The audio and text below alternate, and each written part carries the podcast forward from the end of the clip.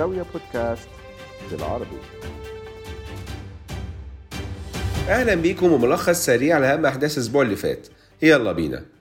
وصل وصل وصل. الرئيس السوري بشار الأسد وصل مطار جدة يوم الخميس علشان يشارك في القمة العربية ال 32 اللي بتنعقد في السعودية النهاردة يوم الجمعة.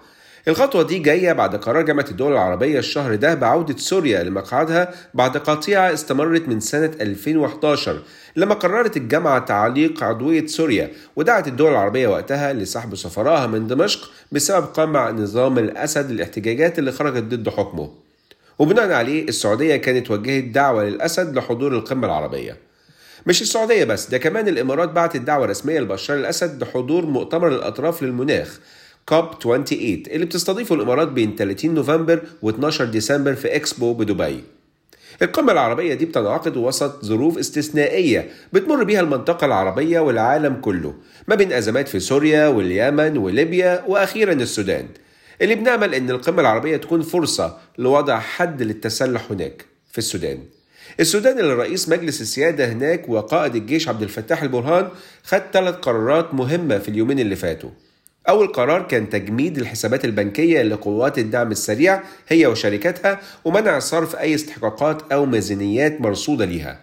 القرار الثاني كان إعفاء محافظ بنك السودان المركزي من منصبه واستبداله بحد تاني. وبعدها بيوم كان القرار الثالث بإعفاء وزير الداخلية المكلف واللي هو كمان مدير عام قوات الشرطة السودانية وتعيين مدير عام جديد للشرطة. وفي هذه الأثناء وفي بلاد عربية تانية في ليبيا. مجلس النواب الليبي اللي مقره شرق ليبيا صوت يوم الثلاث لصالح إيقاف رئيس الحكومة فتحي بشاغة وإحالته للتحقيق وتكليف وزير المالية بتسيير مهام رئاسة الحكومة إلى جانب مهامه كوزير مالية ولكن لم يتم الإعلان عن أسباب إيقاف بشاغة وإحالته للتحقيق. في تونس صدر حكم يوم الاثنين بالسجن لمدة سنة ضد زعيم حركة النهضة التونسية راشد الغنوشي صاحب ال 81 عام. بسبب تصريح سابق كان أدلى به لما وصف الأمنيين بكلمة طاغوت وإن كان برضه مفيش تفاصيل.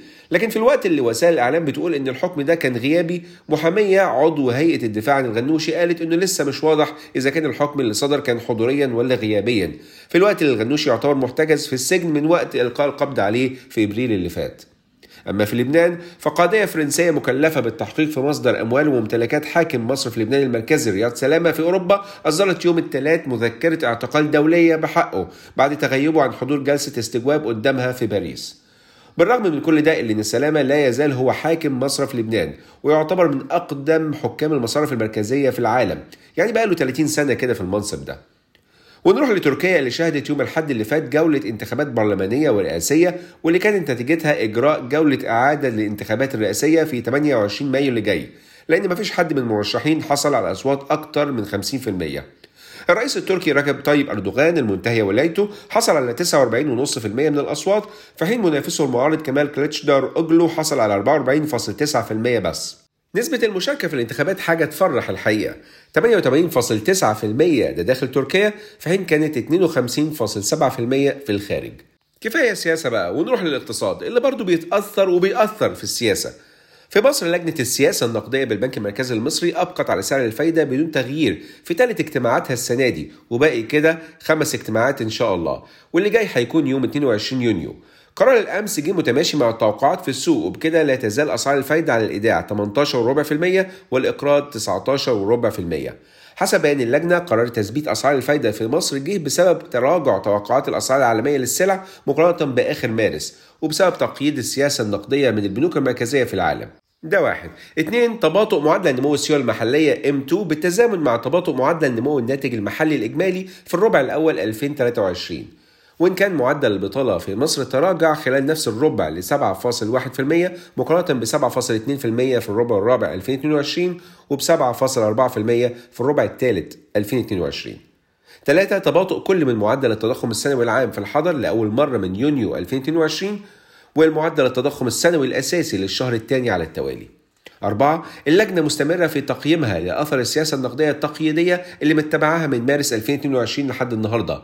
الفترة اللي خلالها تم رفع أسعار الفايدة ب 10% ورفع نسبة الاحتياطي النقدي الإلزامي ب 4% في سبتمبر 2022 طب ده رقيب البنوك في مصر. من جانبها بقى الهيئة العامة للرقابة المالية رقيب القطاع المالي غير المصرفي في مصر قررت رفع الحد الأقصى المسموح به لتمويل المشروعات متناهية الصغر عن طريق الجمعيات والمؤسسات الأهلية بنسبة 10% من 200 ألف جنيه مصري ل 220 ألف جنيه يعني حوالي 7100 دولار.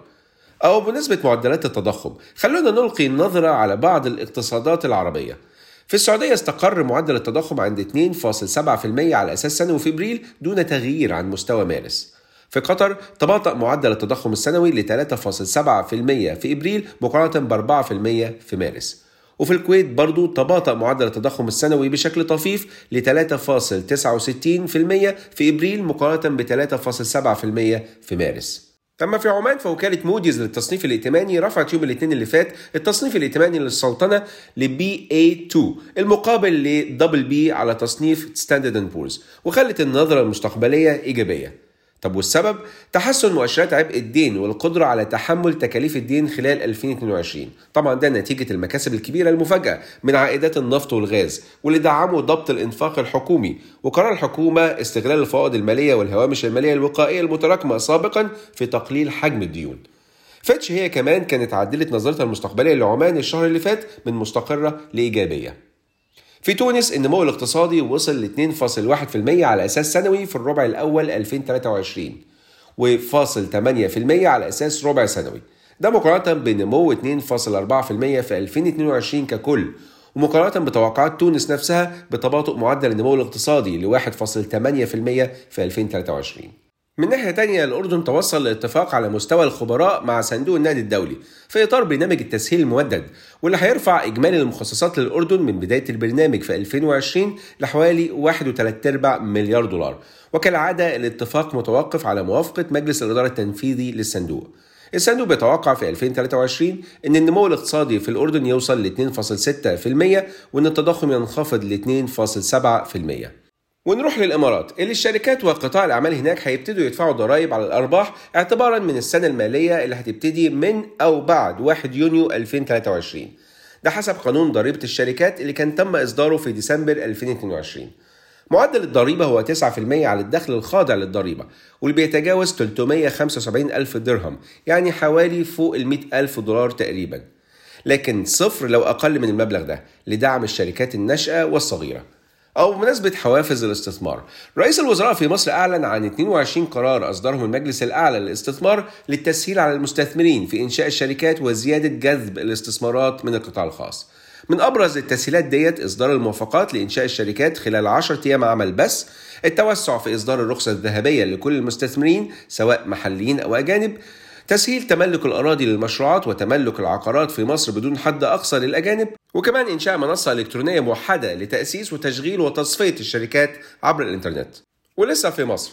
أول الأسبوع ده تم تنفيذ صفقة بيع حصة 9.5% من الشركة المصرية للاتصالات بسعر 23 جنيه و11 قرش للسهم الواحد أو حوالي 3 مليار 750 مليون جنيه أو ما يعادل 121 مليون دولار. ده ضمن برنامج الطروحات الحكومية لكن معظم المشترين كانوا مصريين. من جهته البنك المركزي المصري عين بنك باركليز كمستشار مالي دولي مع شركة سي آي كابيتال كمستشار محلي. في صفقة تخرجه من رأس مال المصرف المتحد. وبرضه ده ضمن برنامج الطروحات الحكومية.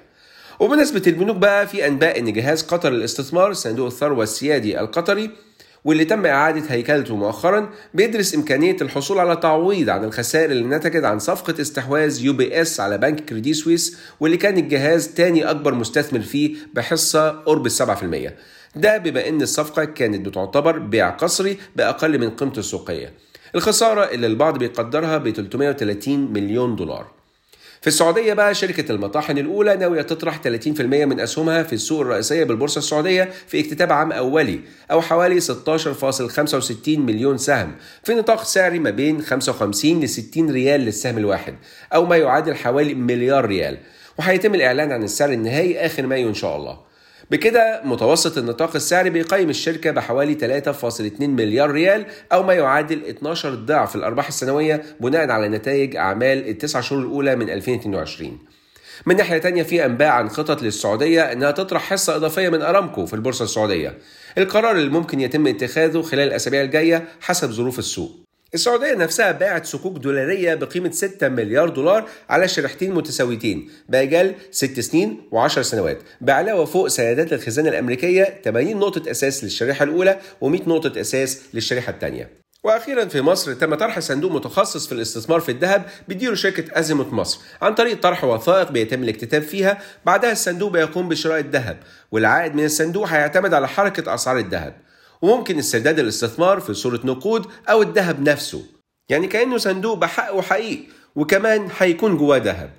كان معاكم عمرو حسين الألفي من زاوية تحياتي لكم والسلام عليكم ورحمة الله وبركاته.